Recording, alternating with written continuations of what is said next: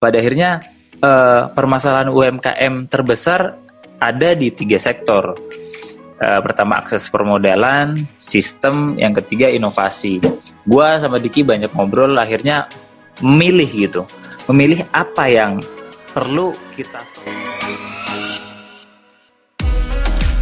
Halo teman-teman pendengar, selamat datang di podcast Urun Modal.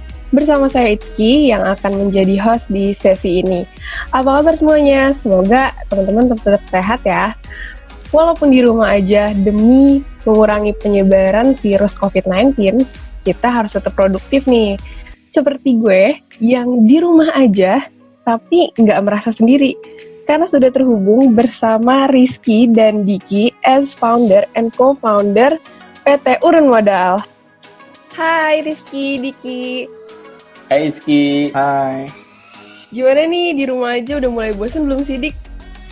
Ya, dibilang bosen sih cukup bosen ya kan karena udah hampir sebulan ini mengisolasi diri di apartemen ya kan. Cuman karena kita memang harus mendukung program physical distancing ini, ya mau nggak mau kan, ya kita coba isi dengan kegiatan-kegiatan produktif aja gitu. Hmm, jadi emang selalu diisi sama produk kegiatan produktif ya. Iya. Kalau Rizky? Uh, Alhamdulillah ya di rumah aja mencoba produktif dan mengisi waktu-waktu yang luang ya demi mendukung program pemerintah di rumah aja. Iya. Ya alhamdulillahnya Oh, sih kalau gua ada yang nemenin di di apartemen ada yang Alhamdulillah. yang satu lagi nggak tahu ada yang Nah, nemenin itu apa enggak gitu. Nah itu tuh, Banyak, itu tuh. banyak. Banyak. Ada siapa tuh? Banyak ya.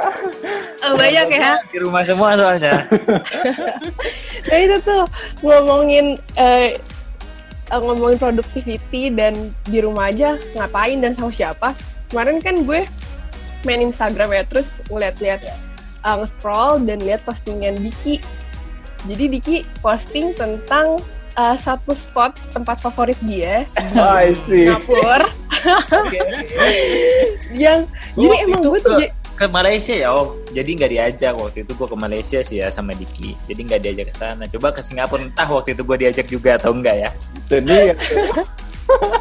Nah itu tuh, jadi gue tuh sampai pas gue ngeliat postingan itu tuh gue jadi ngeliat wah emang ya kekuatan niat dan pikiran tuh emang bisa tercapai. Sampai di situ empat tahun yang lalu udah berniat kan Masya Allah. akan ke tempat ini lagi ke Vivo City Mall lagi sama pendamping hidup dan ternyata beneran dong ke sana setelah empat tahun kemudian luar biasa emang.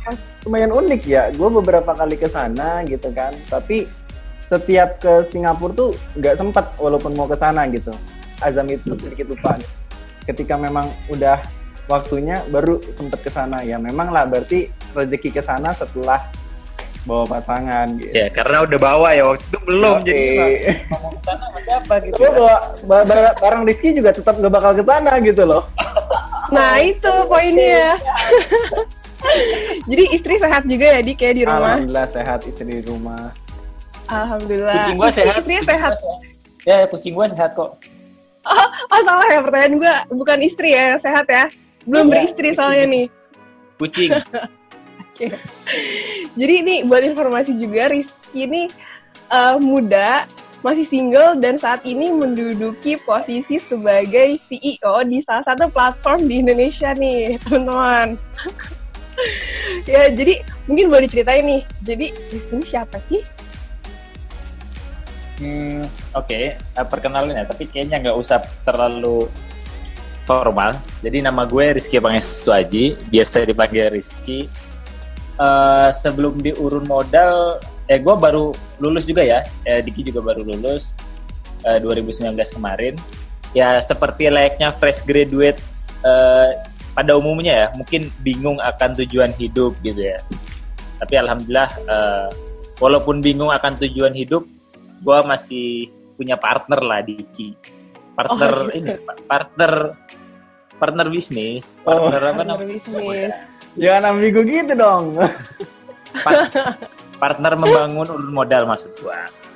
Nah, gua eh, kuliah jurusan ekonomi, eh, konsentrasinya di manajemen keuangan. Memang biasa mungkin eh, dengan investasi dan manajemen-manajemen keuangan gitu ya.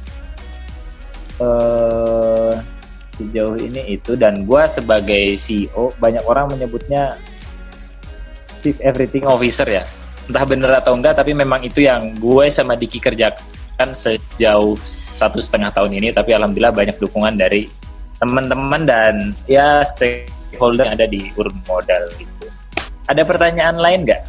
Ski? Nggak udah. Berarti cukup nih.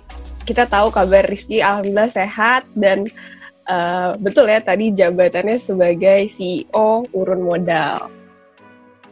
Mungkin boleh lanjut sama Diki dan boleh cerita-cerita gimana sih rasanya, berarti lima bulan ya sebagai iya, pengantin betul. baru. Masih bisa disebut pengantin baru kan ya lima bulan tuh? Masih, masih. selalu baru, selalu baru. Selalu baru. Oh, gitu. selalu baru. Nah, chemistry-nya. Oke, perkenalkan yeah. nama gue Diki Riandi, partnernya Rizky di Urun Modal, tapi bukan partner hidup. uh, diperjelas. Baru lulus dari salah satu institut swasta di Sentul, Bogor, Institut Taskia. Uh, waktu itu ngambil manajemen pemasaran, konsentrasinya, bisnis manajemen jurusannya, dan alhamdulillah sudah tidak single lagi. Sebelum sebelum wisuda kita kebut ya kan pasukan sianida siap nikah sebelum wisuda. Iya. Siap. Gua turut uh, bersyukur dengan pernikahan kalian. Oke, jadi bisa diingat ya teman-teman tadi suaranya Rizky yang mana dan suaranya Diki yang mana. Jadi di episode pertama ini kita mau ngobrol tentang bagaimana urun modal hadir untuk memenuhi kebutuhan pasar keuangan digital di Indonesia. Oke, jadi urun modal nih apa sih? Jadi sebenarnya urun modal itu sebuah platform keuangan digital eh, yang memfasilitasi para pengusaha kecil dan menengah untuk mendapatkan tambahan permodalan dengan cara menjual saham kepemilikan perusahaan mereka kepada para investor. Jadi kita sebagai perantara di sana untuk para investor dan juga uh, eh, UMKM yang memang membutuhkan uh, suntikan dana. Hmm, jadi sebagai penghubung ya antara UMKM sama pemilik modal. Iya betul. Oke, okay. uh, udah berapa lama nih urun modal berdiri? Uh, urun modal sudah berdiri sejak November 2018 ya dan kita mulai okay. beroperasi di awal 2019 Januari waktu itu. Oke, berarti sekitar satu setengah tahun ya sudah berdirinya? Ya, ya sekitar segitu. Uh, satu setengah tahun berdiri, udah ada kantor kah atau gimana? Kita kantor lokasinya ada di daerah Rawamangun, dekat sama hmm. Universitas Negeri Jakarta, seberang halte Sunan Giri sih lebih tepatnya itu kita ada di Rukan Sentra Pemuda Kavling 28. Oke, jadi nih buat teman-teman yang mau silaturahim, mau main, ketemu ngobrol-ngobrol sama founder dan co-foundernya Urun Model, bisa langsung datang ke alamat tadi ya? Bisa, Bang. Boleh, silakan. Kami tunggu. Oke. okay. Uh, pertanyaan yang agak berat nih. kenapa sih urun modal itu hadir atau dari mana Rizky sama Diki nih punya ide untuk mendirikan urun modal? Dorongan apa atau urgensi apa yang akhirnya ngebuat Rizky sama Diki tuh ngerasa, duh penting nih urun modal hadir? Mungkin mulai dari dua tahun yang lalu, gue uh, sama Diki waktu itu masih kuliah dan kebetulan ada kewajiban magang. Karena gue memang dari dulu suka dan pengen berbisnis ya uh, pastinya UMKM ya di sektor UMKM mm. gue cari uh, tempat magang waktu itu ya sama-sama UMKM biar gue bisa belajar banyak dari situ. Uh, perjalanan magang uh, selama di Jakarta sekitar satu bulan kemudian di Makassar dua bulan di ayam outlet ayam geprek juara gue banyak uh, menemukan pelajaran dan juga uh, skema bisnis yang dijalankan oleh UMKM itu sendiri gitu. Bagaimana mereka menjalani sebuah uh, proses bisnis, penjualan, sampai dari mana modal itu, modal mereka itu berasal gitu. Nah, UMKM dan gue juga banyak bergabung dan berdiskusi eh, dengan komunitas komunitas UMKM yang ada gitu. Sehingga gue tahu betul dan apa masalah yang UMKM ini punya dan apa yang bisa di, eh, di solve atas masalah mereka. Uh, setelah tiga bulan uh, menjalani masa magang kembali ke Jakarta waktu itu dan gue banyak berdiskusi sama Diki salah satunya kita di kampus masih banyak saling diskusi pada akhirnya uh, permasalahan UMKM terbesar ada di tiga sektor. Uh, pertama akses permodalan, sistem, yang ketiga inovasi. Gua sama Diki banyak ngobrol, akhirnya memilih gitu, memilih apa yang perlu kita solve dan kenapa UMKM karena memang kenapa UMKM karena memang UMKM seperti yang kita ketahui UMKM menjadi penopang ekonomi terbesar di Indonesia. Bahkan penyumbang PDB terbesar, penyerap tenaga kerja terbesar bahkan sampai 96 persen. Nah, kita semua tahu kenapa UMKM ya? Kita milih UMKM karena itu. Dan banyak permasalahan UMKM tapi kita harus tahu dan pilih gitu. Masalah yang mana yang mau kita solve? Kita nggak bisa uh, urun modal atau gua pribadi sama Diki waktu itu nggak bisa milih semua permasalahan habis itu kita selesaikan bersama kita harus realistis nah, kita ambil di masalah terbesar UMKM yaitu akses permodalan atau akses pendanaan. Karena eh, kebutuhan kredit itu di Indonesia hanya eh, industri keuangan hanya mampu mensuplai eh, 40% kebutuhan kredit UMKM yang ada sehingga masih banyak gap yang tercipta. Nah, dari sana eh, ide urun modal tercetus, banyak ngobrol, banyak sharing. Pada akhirnya uh, itu gua sama Diki uh, mencoba untuk merealisasikan itu gitu. Nah waktu itu Diki juga baru kembali dari acara di Singapura kalau nggak salah. Nah sebelum sempat brainstorming sama Rizky yang seperti diceritakan tadi gitu ya. Nah gue juga baru selesai mengunjungi salah satu event fintech terbesar di dunia yaitu Singapore Fintech Festival. Nah dari itu gue mendapatkan beberapa insight yang waktu itu sih sebenarnya belum tren di Indonesia ya karena waktu itu tren di Indonesia itu masih berfokus pada P2P lending. Nah, waktu itu gue menemukan sebuah model yang mungkin cocok untuk dibawa atau diimplementasikan di Indonesia yaitu equity crowdfunding. Nah, di mana para pemilik bis mereka bisa menjual kepemilikan saham mereka untuk bisa mendapatkan pemodalan dengan skema crowdfunding. Nah, konsep ini hampir mirip dengan konsep bursa efek, akan tapi dengan skala yang lebih kecil gitu. Oke, wow, keren banget ya teman-teman ceritanya, menarik sekali nih. Jadi kalau misalnya boleh kita ambil kesimpulannya dari cerita Rizky sama Diki tadi, urun modal ini hadir karena teman-teman kita nih menyadari bahwa UMKM di Indonesia itu punya potensi untuk tumbuh dan berkembang, hanya saja sering kali terkendala masalah pendanaan. Kemudian bersamaan dengan itu, Diki menyadari bahwa adanya satu konsep model bisnis equity crowdfunding yang bisa diaplikasikan di platform urun modal, gitu ya? Nah, benar begitu. Nah, kembali lagi ke masalah uh, pendanaan atau akses permodalan dari uh, eh, UMKM gitu.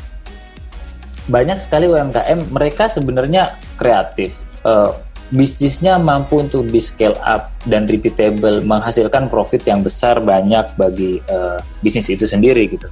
Tapi uh, akses mereka kepada perbankan, uh, industri keuangan itu sul cukup sulit karena memang ada requirement yang sulit untuk mereka penuhi. Contohnya, mereka butuh kolateral atau jaminan untuk mendapatkan pendanaan. Sementara kebanyakan UMKM ini yang kreatif diinisiasi uh, oleh anak-anak muda yang notabene mereka nggak punya sertifikat tanah bahkan sertifikat apa kendaraan. Nah itu nah, kita mencoba untuk memfasilitasi mereka sehingga mereka mendapatkan pendanaan tanpa harus menggadaikan atau menjaminkan sebuah jaminan.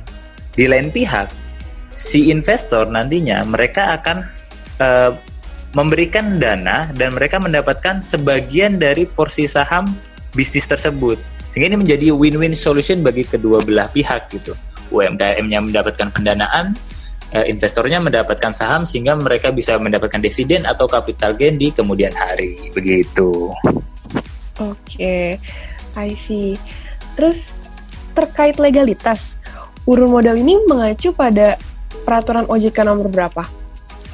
Untuk legalitas sendiri, urun modal sudah berbadan PT sejak Desember 2018. Nah, dan untuk payung hukum yang menjadi rujukan kita di Otoritas Jasa Keuangan, pada waktu kita mencetuskan urun modal, awalnya tuh belum ada payung hukum mana gitu kan. Jadi kita mungkin ingin masuk ke IKD, Inovasi Keuangan Digital. Nah, tapi pada Desember 2018 keluarlah POJK 37 yang mengatur khusus untuk equity crowdfunding yang memang uh, ini menjadi dorongan moral juga nih untuk kita pribadi bahwasannya ternyata model ini bisa banget kita implementasikan di Indonesia khususnya. Dan sekarang yes. kita masih dalam proses untuk uh, perizinan terkait POJK 37 2018 ini. Iya, gitu. Jadi saat ini urun modal sudah berbadan hukum PT dan masih mengurus proses perizinan dengan OJK ya. Iya, ya, betul. Uh, sebenarnya masih ada nih beberapa pertanyaan yang mau gue tanyain. Kayak misalnya urun modal nih kan tadi kalau kita dengar dari cerita Rizky dan Diki hadir untuk membantu kebutuhan UMKM di Indonesia. Tapi sebagai entitas bisnis, tentu aja urun modal perlu untuk memenuhi operational cost seperti salary karyawan dan lain-lain. Itu dari mana urun modal bisa mendapatkan revenue itu? Oke, okay? tapi pertanyaan ini jangan dijawab dulu karena akan kita bahas di episode berikutnya. Jadi, sampai ketemu.